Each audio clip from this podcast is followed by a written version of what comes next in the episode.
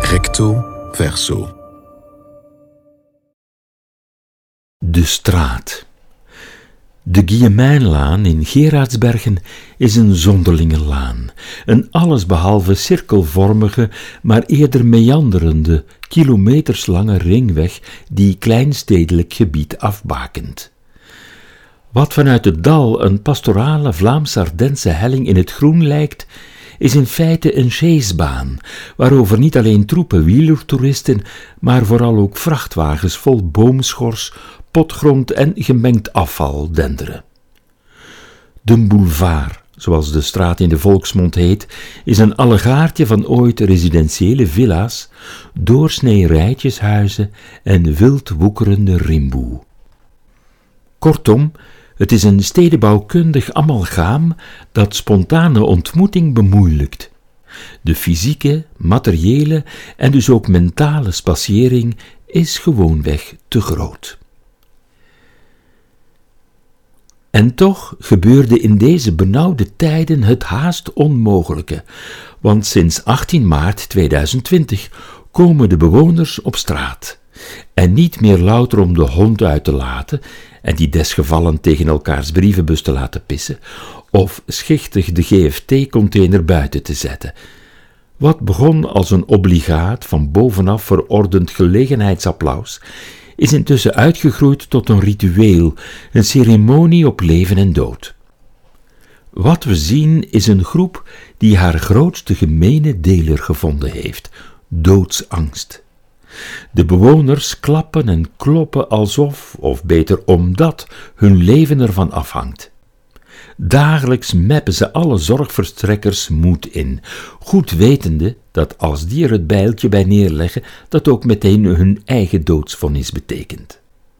Met trommels en drumstellen, megafoons en geluidsboksen, potten en pannen, toeters en bellen, vieren ze dat ze voorlopig nog steeds leven.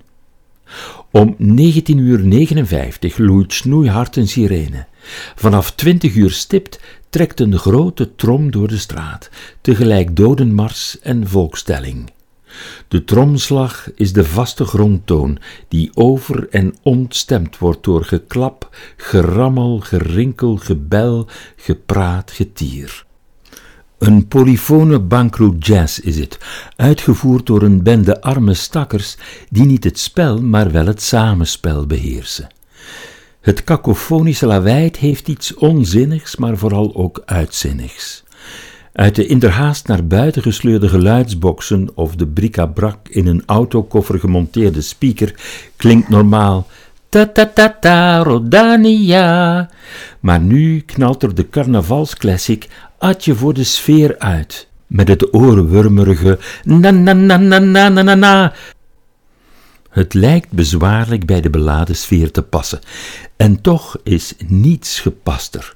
Wat onbeholpen, niet eens beseffend dat er atje gezongen wordt, en dus maar gauw handje of alles brullend, vieren we onze onbeholpenheid in het aanschijn van de dood.